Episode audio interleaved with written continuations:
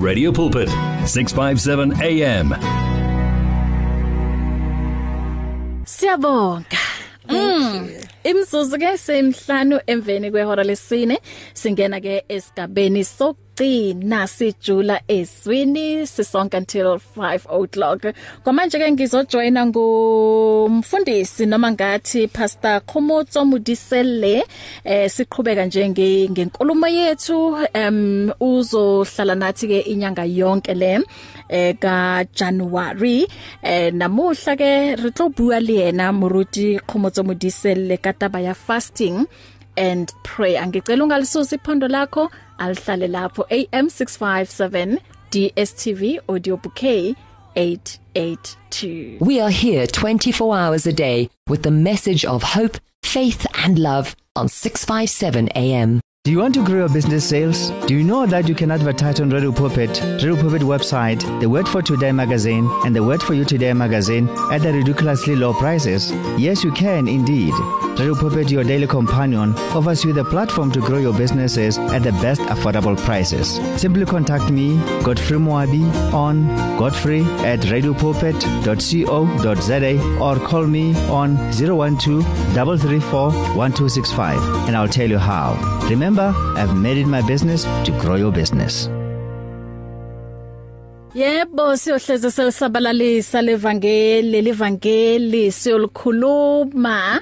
Ehe esinombongo ethi ngimisele ngimisele ngempela nakulonyaka ka2021 ukuthi ngilikhulume ngilisabalalise. Asiyimiseleni bazalwane.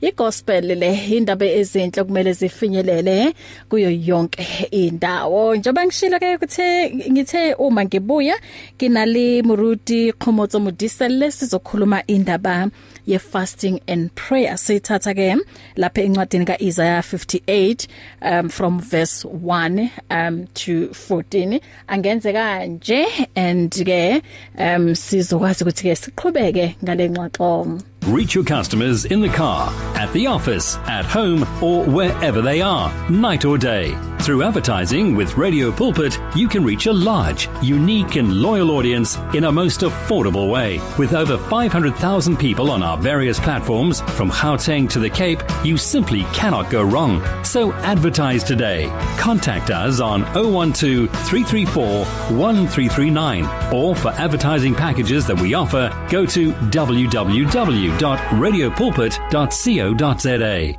Terms and conditions apply. As easy as the touch of a button. The message of life on 657 AM. Reverend ABCB ya usi asharela ke kulesi sigaba sokugcina njengoba ke imzuzu la ithi 14 after 4 o'clock. Asiqhubeke nje sijule kulona lezwi asiqhubeke nje sicwile kulona. Eh kwamanje ke kinalimuruti eh Khomotso Mudisele eh sizoba naye ke kulenyanga yonke ka um January. Um sixoxa nje indaba ye fasting kanye ne prayer ngoba abaningi bayenza ke eh ngo January so sizobuka ukuthi iBhayibheli lisho njalo ukuthi we we we have or we need to fast ngo January na. Kodwa ithi ngayikhulumi kakhulu mina um, umfundisi Mudisele uyena ozoyixoxa kabanzi. Muruti Dumela. Eh dumela ke dumedisa le baretsi lebitsong le le matla la morena Jesu Kriste amen. Amen. Re leboga moruti gore o nne le rona mo letsatsing la gompieno ene re a leboga gore o re fe le nako ya hao. Um i 5 weeks iningi mfundisi? Ngoba sizohlala nawe for the next 4 uh, weeks. Eh kufaka le i5 weeks. Sinawe every sunday. I'm all yours. That's all what I can say. Bengilindele ukuzwa lawa amagama Mfundisi um mhlambe ke kulabo abangakwazi ari ke kopa o refe picture ya Muruti Khomotso Modisele gore ke mang? Um ukuze ke uma sihleli nawe ba mitsi sentle ntle gore ke mang Muruti Khomotso? Um Ruti Komotso Modisel is a senior pastor mm -hmm. and also the co the co-founder yeah Christ the Hope of Glory uh, a prophetic uh, ministry mm -hmm. our ministry e basitswe ka mona Garankua Garankua mo zone 1 hona le the popular building called uh, Majafela mm -hmm. ka Majafela uh, uh, uh, street ka yona strata seo sa building ya Majafela mm -hmm. yona mo re basitswe history. And uh, my little bit of a background uh, I started as a student uh, activist, mm-hmm. and I was on the. I served in the various uh, leadership of uh, Azanian student movement, which is a student wing of an Azapo. I was a political activist mm-hmm. before I met Christ. Oh. After meeting Christ, now I raised my hands in worship. I'm no longer raising a clenched fist. Zaguquka izinto. Yeah. Zajika. yeah. Mhm. Sibonga nje um sibonga ukuhlanzwa nguKristu sibonga umsindisi wethu also nikhonza eGarankuwa ko zone 1 eh ko zone 1 okay moruti re lebogela go go itse and ngokaka ngokuzalwa uphuma kuphi? Eh ke tswa gona Garankuwa ke motho wa ona mona ba re Pitori re bua Yes, mo Pitori mo Muruti re abolela mo re abua sikhuluma nje konke siya mixa nje ama language wonke lawa. Thank you so much Muruti.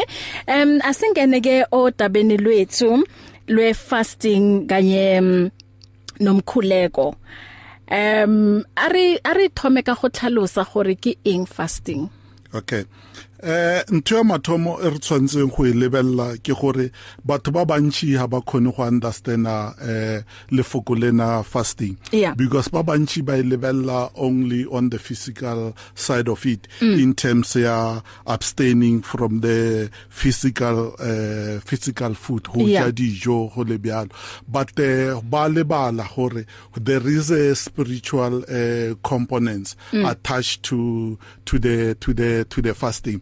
Because uh, hopola gore lentswe la modimo la tlhalosa lona ka bolona especially ha o lebella mo bukeng ya Matthews uh, chapter 4 verse 4 mm. ke mo morena Jesu Kriste a ileng a fasta for 40 days and 40 night mm. then immediately after a fetsa the 40 night uh, 40 days and 40 night uh, fasting we ile a testiwa in the in the wilderness and uh, the we ile answer answer the devil ka mafokwana are it is written are a man shall not live on the bread alone, but every word that uh, comes or that proceed from the mouth of God. How lebella yona verse na ek fetsang go e bala.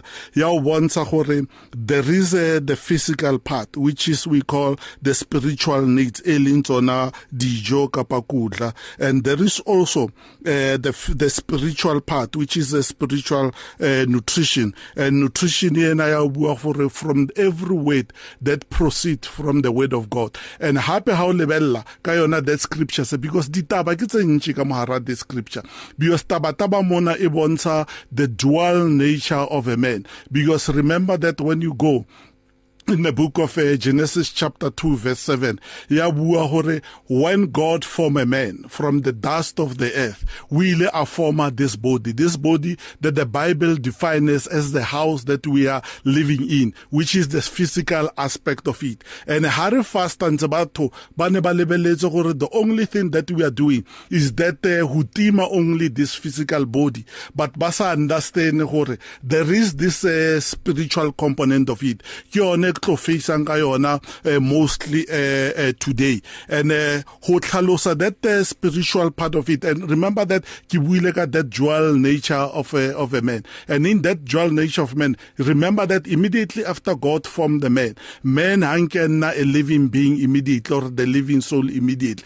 God has to breathe himself into into into a man. Ya bontsha that the, the spiritual uh, aspect of it. But uh, our main scripture sa rena today re tlo bua ka ka ka ntwe ka Isaiah 58 re tlo thoma from verse 1 up until uh, verse uh, uh, verse 4 uh, verse 4, uh, 14 and ke tlo rata gore ke re tlhalose go ya ka verse up to verse because ha ke batle gore re escape any or re tsele or re skip any meaning from uh, uh, from uh, from yon because the most important thing o tshwantse o understand ke gore ke you cannot uh, you can fast as a Christian and not getting the results. Then now the question is how.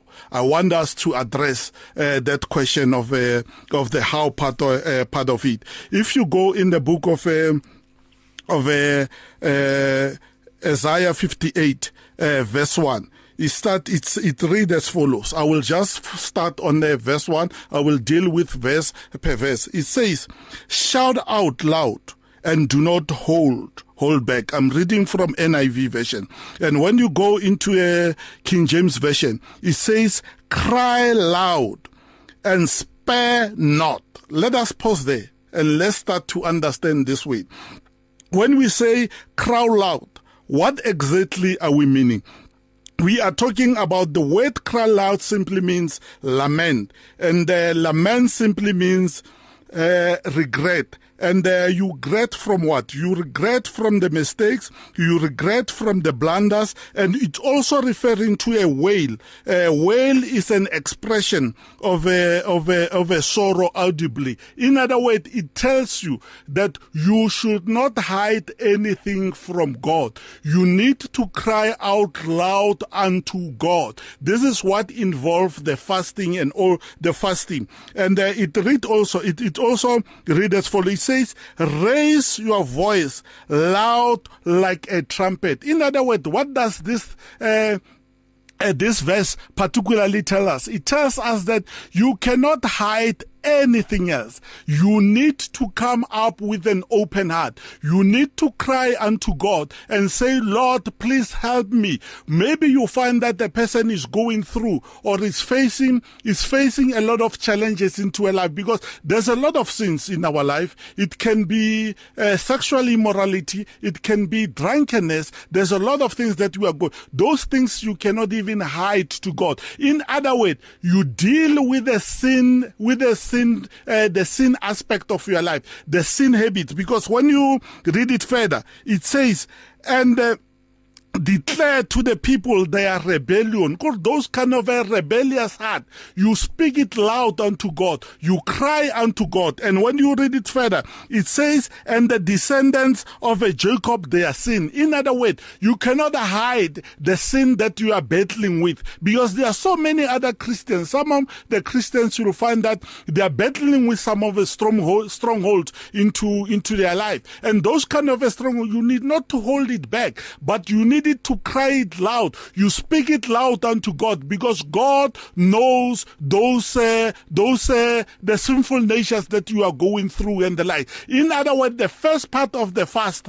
obviously, which is the spiritual part of it, it has to go with a crying loud and make, voice it out, make God known about it. And the moment when you open your heart unto God and the like, God is able to come down for you. God is able to hear you to hear whatever the challenges, whatever the sinful nature that you are suffering with, whatever the strongholds that you are, you are suffering with. And somebody maybe can ask the whole question of saying these sinful natures that we are talking about. I mean, uh, the book of uh, Galatians, chapter chapter five, reading from uh, verse nineteen up until 20, 20, uh, verse twenty-one. It tells you all these works of the flesh, which, which I call it the sinful nature. Is drunkenness, is a wild life that we are living. Look at the kind of life that our youth today are living and all those kind of a thing. And you find that the Christian, only some people, they become Christians when they enter the church door.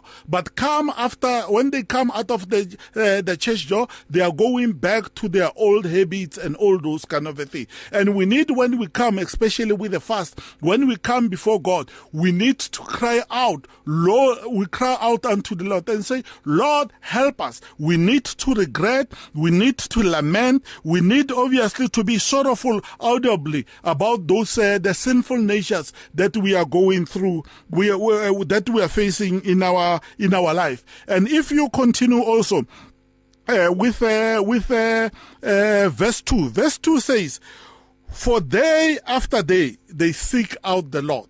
And here I want you to underline a very important, uh, the important uh, phrase there, seeking, seeking me out. In other words, when we speak about the fasting, we are also uh, seeking the face of the Lord. We are seeking the Lord out. In other words, if God not only to do with the, with the, what, what, what I call, uh, the physical they abstain from the physical food or the physical uh, uh, nourishment. We need to cry out. We should not hide anything else. In other words, we deal with that part, which is the sinful nature. Remember what I've said about the dual nature of a man, because we are still living in this body, and this body has its own weaknesses and all those kind of a thing. And that is why we need to cry out with those things that we are battling with them, with the sins that we are battling with them, the rebellious spirits that we are battling with it, there's the, the, the pride that we are battling with it. And those things we need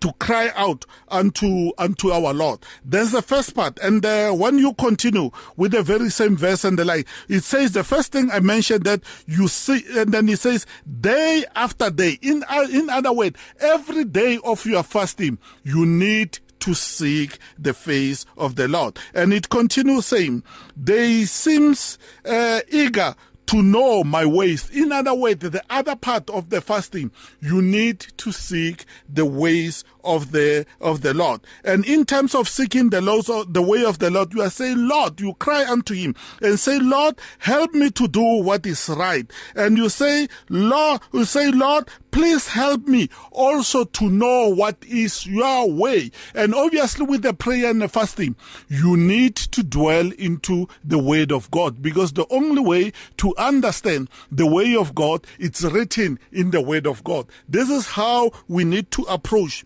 the whole uh, uh fast. And it also read further and say, and has not forsaken the commandment of his God. It clearly shows you there I mean, there are many ways that we have transgressed.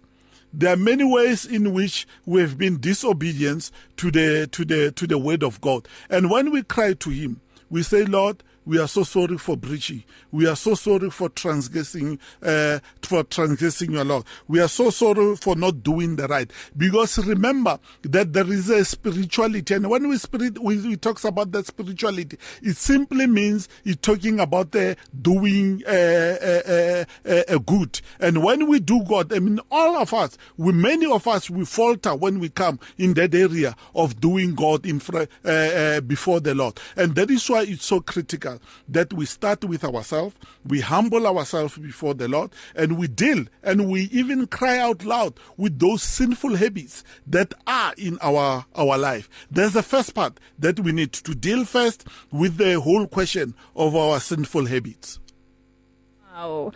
Hmm, singiyakuzwa mfundisi 28 after 4 o'clock sikhuluma ke ngefasting eh kanye neprayer kule ntambama sithatha encwadini ka uh sithatha encwadini kaIsaiah 58 uh, from verse 1 to 14 umfundisi uthi ke uzowachaza wonke lama lama verses um ngayo lentaba um yokuthi kubaleka kangakanani ekutheni singene ku fasting and then sikhuleke. Into ayibalile e, e, e, akhulume ngayo umfundisi ukuthi sifuna ubuso bukaNkuluNkulu when we we we praying and si si we we fa, si fasta and sifuna nani neindlela ezikaNkuluNkulu so uma si sifasta si eh, sikhuleka kusho ukuthi ke sikhalela kuyena and siyacela ukuthi akasixolele ngoba sihlezi sizenza izo ngayiboni ezinye sizenza siloku siziqaphela so siza kuyena uNkulunkulu sithoba phambi kwakhe sithi we are sorry ngakho konke lokho esikwenzile. Muruti mina ngikuzwe kahle. Manje inkinga yami ila bothatha bakabumo gore why most churches ba as bathoma uh, taba ya fasting and prayer ka January. Um and okuwukuthi dilo tsotlhe di badileng i think nje throughout unyaka kudingekile ukuthi sibufune ubuso bukaNkuluNkulu. So why it is important for other churches ukuthi bangene ku fasting on, on in January? Uh, mostly because uh, it's a it's a beginning of the, the the new year. It's a beginning of the new season. Some of the churches they prefer, obviously, to start with the prayer and fast right at the beginning. But that obviously we should not limit it right at the. It must be uh, Yeah. throughout. I Mm. mean, it's a daily thing. I mean, the, uh, like you correctly mentioned, sometimes we sin unconsciously. Yeah. Sometimes we sin uh, consciously, being aware what we are doing and the like. Because sometimes you can even forget and say something that you were not even supposed uh, to do or uh, um, or maybe to say conscious. That is why on the daily life uh, uh, basis we need to come before God and say, Lord, I'm so sorry Yeah. for whatever the wrongdoing that we we are doing. But uh, there is nothing really wrong uh, to start right at the beginning of a of a of a of a year because it's the beginning of the new seasons and the likes. Mm-hmm. And also we we become very thankful even unto unto our own God. Because when you look at the into the whole chapter, I've divided it into into the four four sections mm. and when you look it from verse 1 up until uh, verse 5 it speaks about god actually here is telling us that uh, so the reason why remember that in an mm. opening i said that uh, some of our fast are not answered by god Yeah. but from verse 1 up until verse 5 it tells you the reason why our prayer are not answered, Answered. Uh, uh, by by god because we don't even uh, start with a with a with a contract uh, co- contrite heart and we don't even start with the broken heart the contrite heart and the broken heart is a heart that simply say lord we are so sorry mm. lord we committed the mistake mm. from you mm. lord we are seeking your face lord we are regret for whatever that we have done before mm. you and all those kind of a of a of a thing and i will just continue with those uh, those verses and listen uh, the most interesting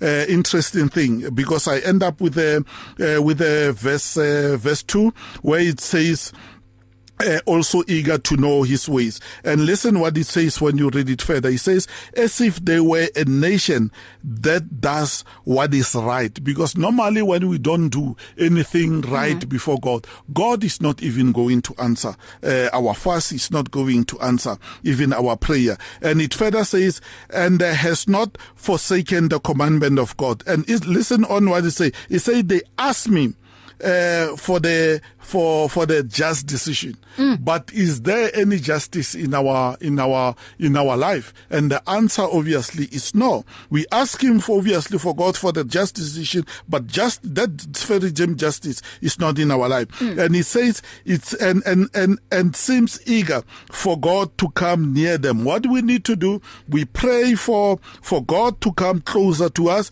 We come for god obviously to help us to make a just decision. We also pray for God to say that please help us for being able to keep your commandment. And we also say lord help us obviously to walk according to your ways. And we also seek seek the face of a of a god or, or the face of the of the lord. And listen what verse 3 says. It says why have we fasted? They said and you have not uh, and we have not seen it. Here they are complaining the children of israel. He says we are fasted.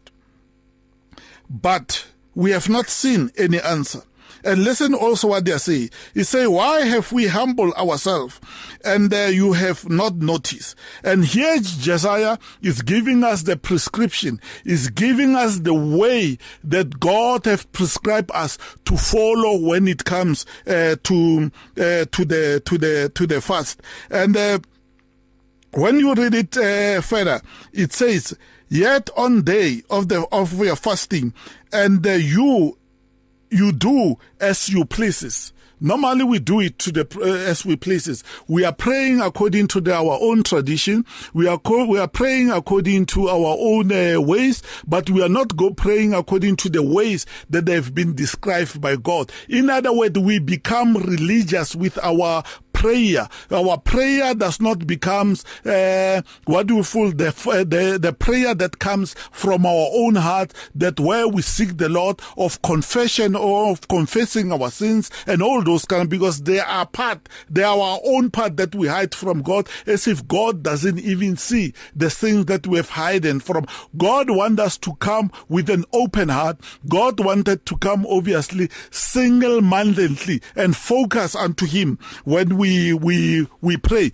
Because the moment when we hide our own sin our own sin habits to God God is not going to uh, to to to hear our fast. And uh, when we are not praying according to his own way because remember uh, even the scripture says always when we worship God and when we praise him we need to pray him in spirit and and, and in truth. And uh, somebody can ask maybe himself that what do we mean by saying praying in in truth? When you go in the book of uh, John 17 verse 17 it defines what truth is, what truth is all about. It says the truth the truth is the word of God. In other words we need to pray according to the God's ways. And when we seek his ways their ways are written in his word. And the moment when we follow his own prescription and we don't fast and pray according to our own pres- uh, our own prescription then God will be able to hear our prayer.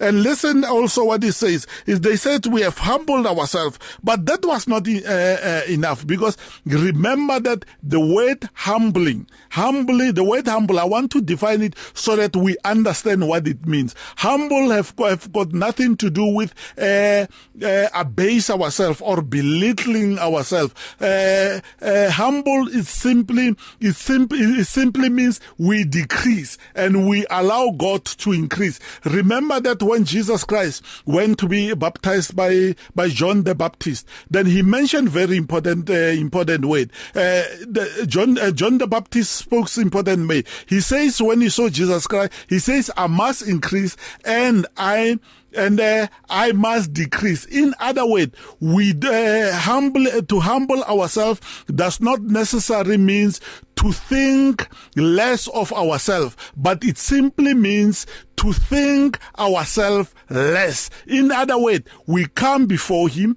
and we humble, we humble ourselves, we decree, and let it be God that that increase in our life. Wow. 16 um 37 uma ke na uthanda ukungena kulolu daba esixoxa ngalo incingo ke zivuliwe ku 0123338699 noma ke unombuzo mayelana ke nendaba ye fasting kanye ne prayer eh njoba ke umfundisi bekasho la ukuthi kunabanye eh, umuntu uzothi ngiyafasta but angiwaboni ama results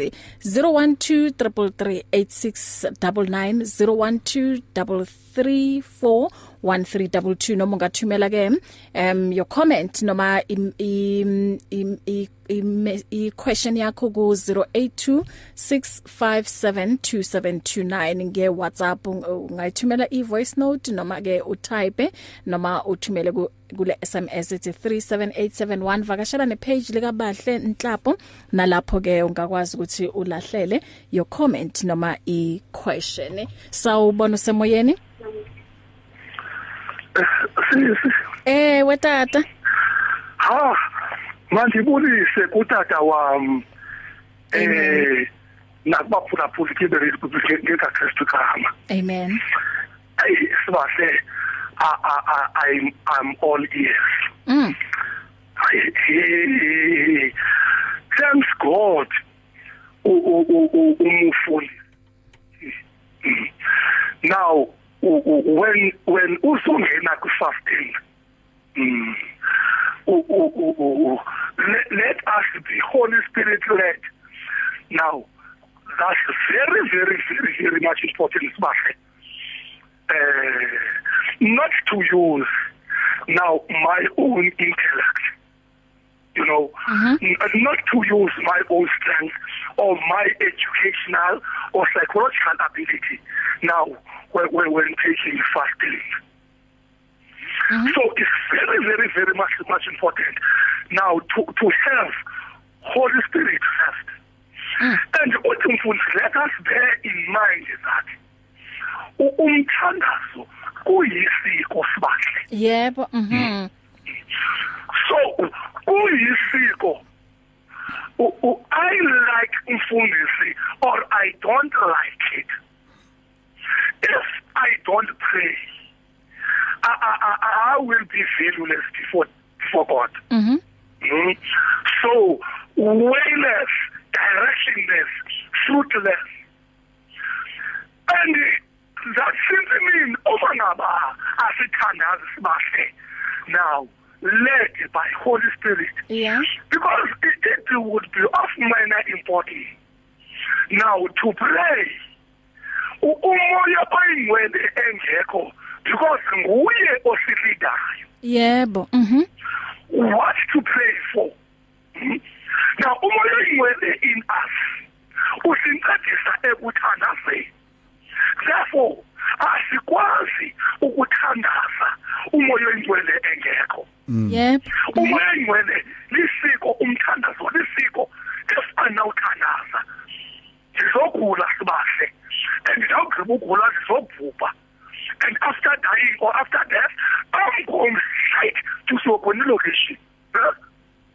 Meaning that when talking about praying, now, masibeke umoya oyingcwele njenge-nerve center of each and every Christian program. Hmm? No, masibeke umoya oyingcwele as a nerve center in each and every Christian activity. And we can't, we can't get fasting sibahle umsebenzi. So umoya oyingcwele engekho. engekho yeah We can't do that. That will be a, a grievous mistake. Asakwazi ungena kumoya oyingcwele. I mean, asakwazi ungena ku-fasting. Yeah? So umoya oyingcwele engekho. So we are forced about first. Masibe nawo lafeo. Sibe nawo lamakha. So efumaneka kwi-repentance.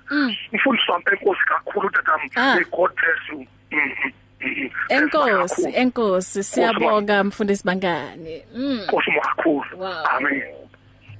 Sure, sidinga umoya ongcwele siholwe nguyena 012333 8699 Muruti angazi ukuthi ut- uthanda ukuphawula kule comment ephuma kumfundisi bangani I think I agree more with the with the Mfundisi. Yeah. Because uh, what Mfundisi have mentioned, it fit well in verse 6 up until verse uh, verse 7. Mm-hmm. Because in verse 6 and verse 7 there are there are seven things and obviously without the power of the Holy Spirit you cannot even achieve that.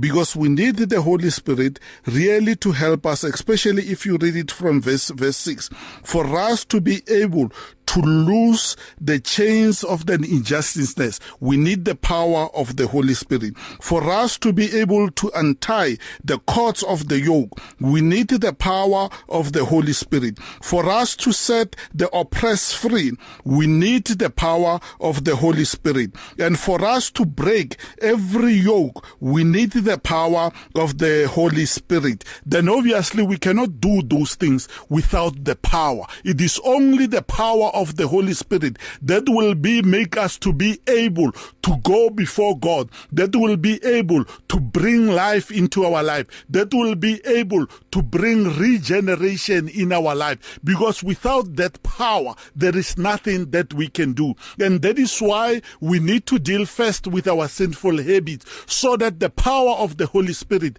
can easily flow in our life. Because without the power, we are not even going to do the things that have been listed on verse 6 uh, and, and uh, up until uh, verse 7. That is why it's so critical. And I agree with him that we need that power. Because remember, the power of the Holy Spirit bring in renewal in our heart, is bring in regeneration, and it brings in the salvation. It makes the salvation possible through the blood of Jesus Christ.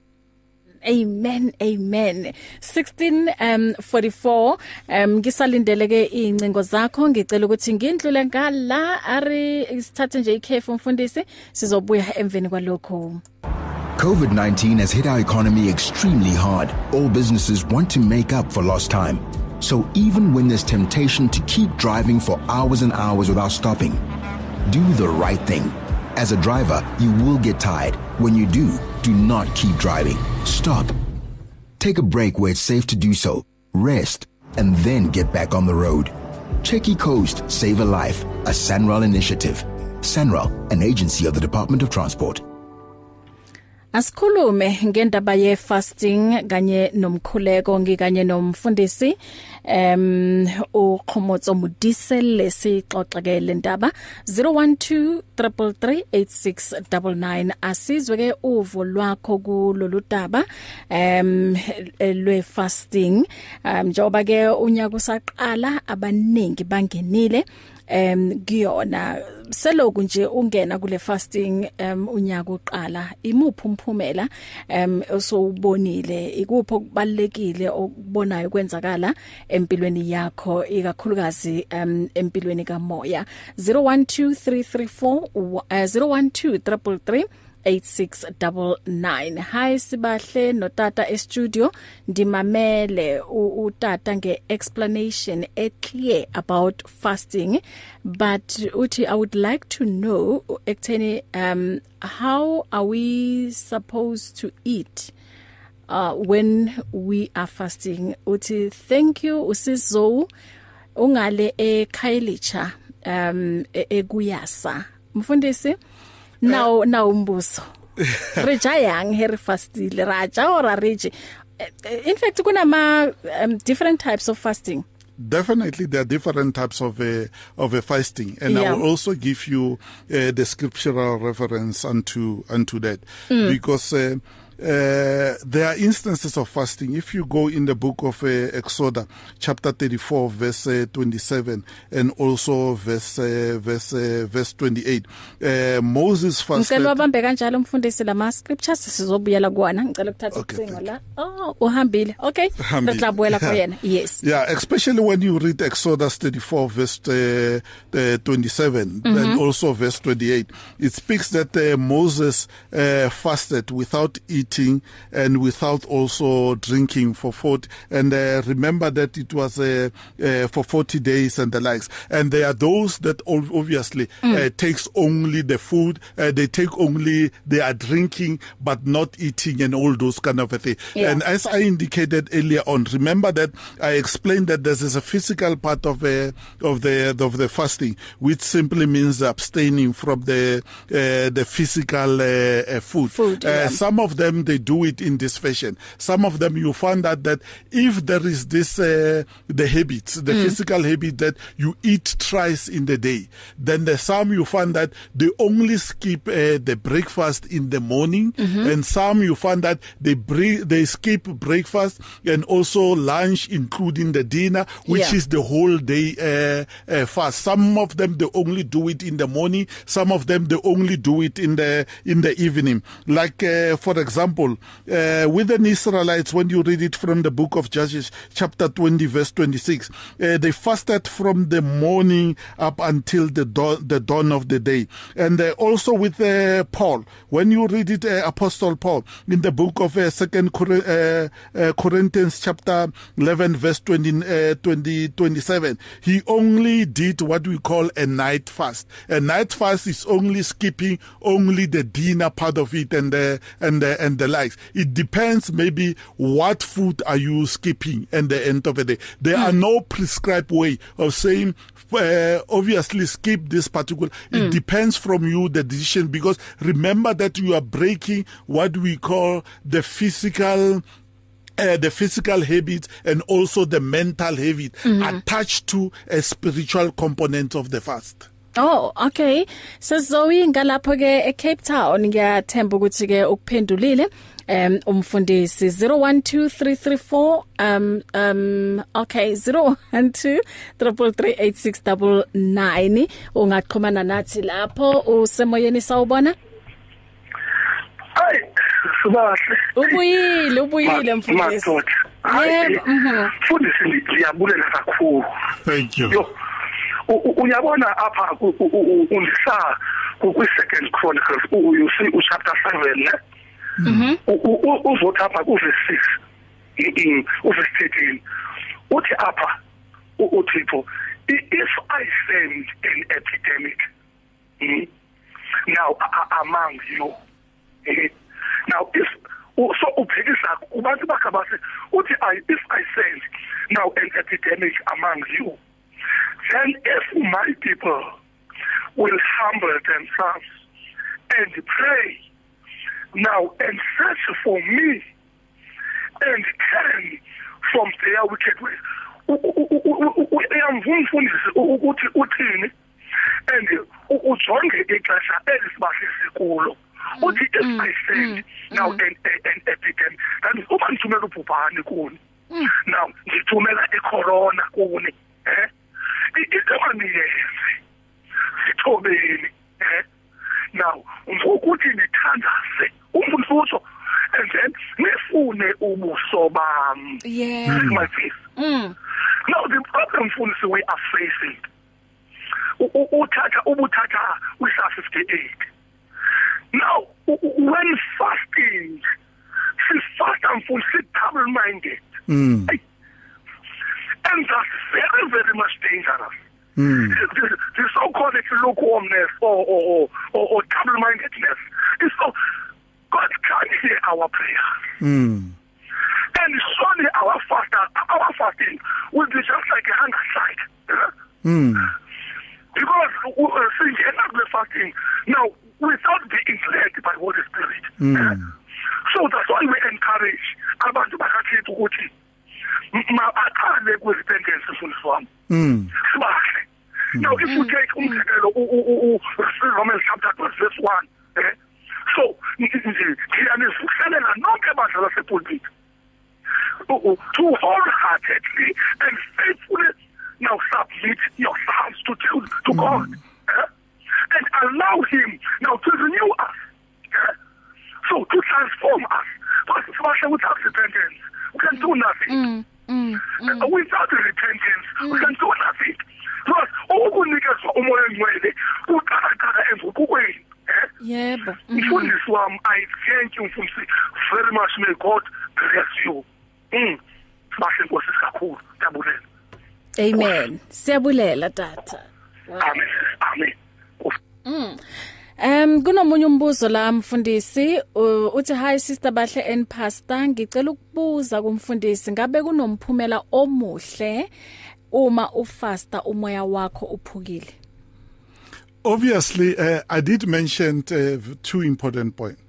To say that uh, when you approach God, you approach Him with a broken heart. yeah We approach, uh, approach Him with uh, what we call the contrite uh, heart. Yeah. The contrite heart is a very uh, sorrowful one. Then the first point that you need to start, especially with the broken, uh, uh, I understand maybe um, um, umoya wako upugile simply means broken soul and all those. ki- If somebody were hurt, those are the things that you need to speak them loud unto God. You bring them unto God. You say, Lord, so and so. Maybe it's because of uh, the heads. Those heads came as a result. Those uh, broken soul came as a result of a disappointment, as a result of a head. Those heads, you take them unto God. You speak them unto God because God have seen those situations. You start. That is why it's so critical to say that you start first with yourself and say, Lord, please help me. And if you do that, you allow the Holy Spirit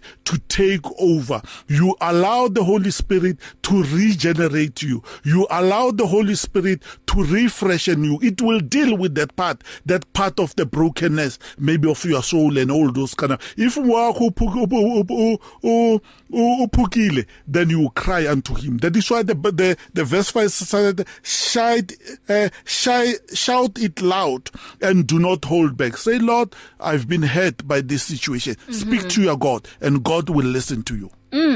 So uletha lobhlungu kuye. Definitely. 6 after uh, 6 before 5 o'clock. Usesena umbuzo noma mhlawumbe unayo unabo ubufakazi bokuthi eh, bahle um i fasting mina yangisebenzela ngalendlela.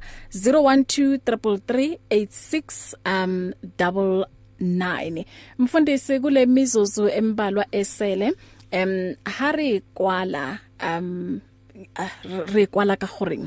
Re kwala ka gore the moment when you seek the face of God, mm-hmm. with the moment when you pray with the single mandate, as indicated uh, by the earlier uh, caller, mm. not with the double mandate. Obviously, if you do it according to the God prescription, and uh, obviously, if you read it from uh, from verse eight up until verse twelve, there are the rewards, and those are the rewards of the of the fast. Number one, it will bring the Lord to answer you, and uh, the Lord will come and uh, it will it will bring him down for you. And it will bring the guidance according to verse 11 it will bring the refreshment according to verse uh, 11 and it will bring the resource. It will make you the resources. In other words when you pray according to the way that they've been described by God when you humble yourself before the mm. Lord and turn away from your own weaknesses the, uh, the, the, the, the, the wickedness, then the Lord will come down for you. The Lord will answer you. For as long as you pray according to his own description, not your own description, mm-hmm. not according to the religious description, but according to God's description, what is written in mm. the word. In the word yebo um singathatha mhlawumbe ogcina kunomunye bekazama ukungena la eh sinayo imizuzu emibili ngaphambi kokuthi sivale 0123338699 um umamthandi sisinye alikamo freedom park uthi thank you sisibahle eh nomfundisi mhlawumbe mama beka lokho anemibuzo um Rudy today. Um khora khore o khonne go mo araba. Baba yes ingakho ethi uyabonga. Asithathe lo ogcina mfundisi um sawubona oh okay uhambile. Uh sorry i missed the program. May i have the scriptures about fasting? Uh, we have read from uh, Jesaja 53, Isaiah 53 from verse 1 up until uh, verse uh, verse 14. Okay, and uh, we also buile moruti o e re motse re tlo ba fa hape di scriptures. O semoyeni sa o bona? Sawona siswathi khona nempumelelo. Hi Dali, happy new year. Thank you nomfundisi lapho. Amen. Ngiyabona isikhathi sihambile but ngiyabonga ngi-teaching ye-prayer and fasting. Mhm. mina ufakazi but isikhathi asikho ngiyabona next week yeza sithanda sami. Uzosifakazela next week yezo ngizobe nginaye futhi umfundisi. Um mangabe ethanye izobe ikhona next week ngifakazi okay darling. All right bye bye.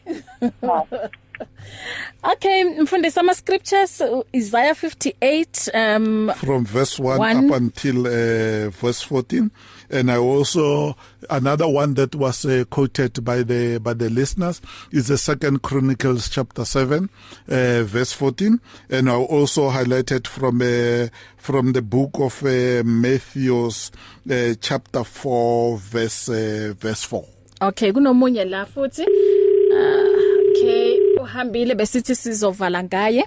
Okay Matthew 4 verse 4 and then uye wakhuluma nango Exodus ne? Uh, I did mention of Exoda, but the one for the next Exoda, let me unpack it maybe next Sunday. Ne- next next Sunday. Sunday, let's talk about the instances of a fast because people they don't understand whether should I drink this, should I not drink this, Yeah. and uh, should I do it in an evening, should I do it in the day? What's Yeah. the correct way of doing? Let's deal with those kind of a question. Instances of a fasting next week. It's our topic.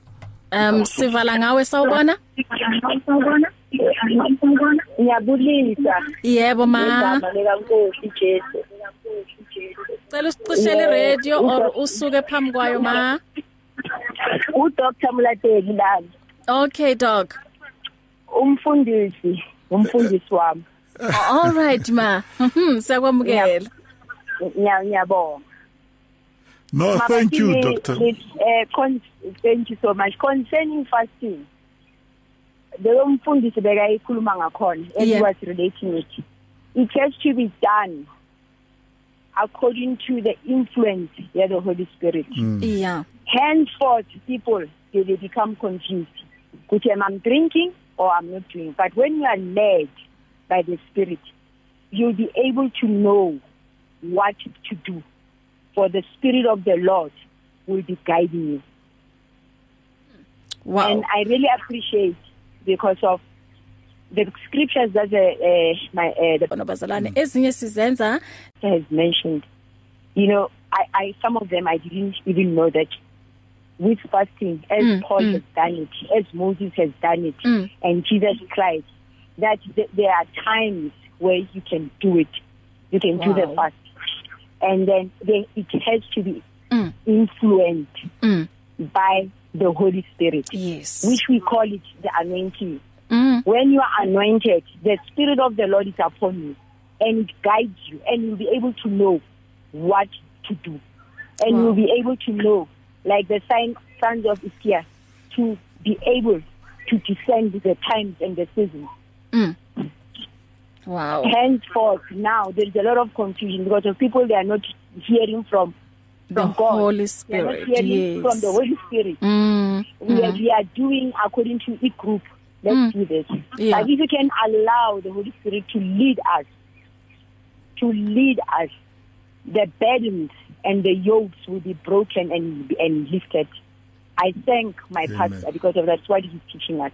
Wow. Ngiyabonga mfundisi. And I thank Radio, Radio Pulpit to give the church this platform Amen. so that the word of God can be can can can reach the end Yeah. of the earth. Thank you so much Ngiyabonga. for your contribution doc. God bless you. Thank you so much. Bless you. Wow. Mfundisi em utholakala kuphi mhlambe uma bakhona abathanda ukukhuluma nawe ungekho la emoyeni? Uh, I'm also on the Facebook. Okay. And uh, on the Facebook, I'm uh, Khomotso Mudisela Khomotso with a G. Mm-hmm. Uh, Mudisela with a double uh, double L E. You will see Mm-hmm. all my posts are the Christian post. I don't Yeah. uh, post any any any junk. Yeah. Uh, there are many Khomotsos Mudisela, Uh-huh. but you'll differentiate me Yes. from other Khomotso Mudisela. Yes. And also my number, if you want to contact us, uh, you can also go to the Facebook page of the of the ministry, which is uh, Christ, the Hope of Glory Prophetic uh, Ministry. There is a direction of our church and also the contact number. My number is 081 017 uh, 017 992. God bless you. God bless you Moruti. Re kopane gape mo bekeng e tlang. Shalom. It's difficult to face the overwhelming pressures of life alone. Sometimes we just need someone to talk to, someone to listen to us. And what better way to do that than through a quick and easy WhatsApp text? Whether you're having a hard time coping with school, family issues, being bullied, depression, or anxiety, speak to someone who cares today. Send a WhatsApp message to 064 530 6805 or 074 995 9085. Our I Am Youth Counseling team, Charles Dudoy and Danny Vambili, are ready to connect with you today. Be doers of the word with 657 AM. Sounds of life.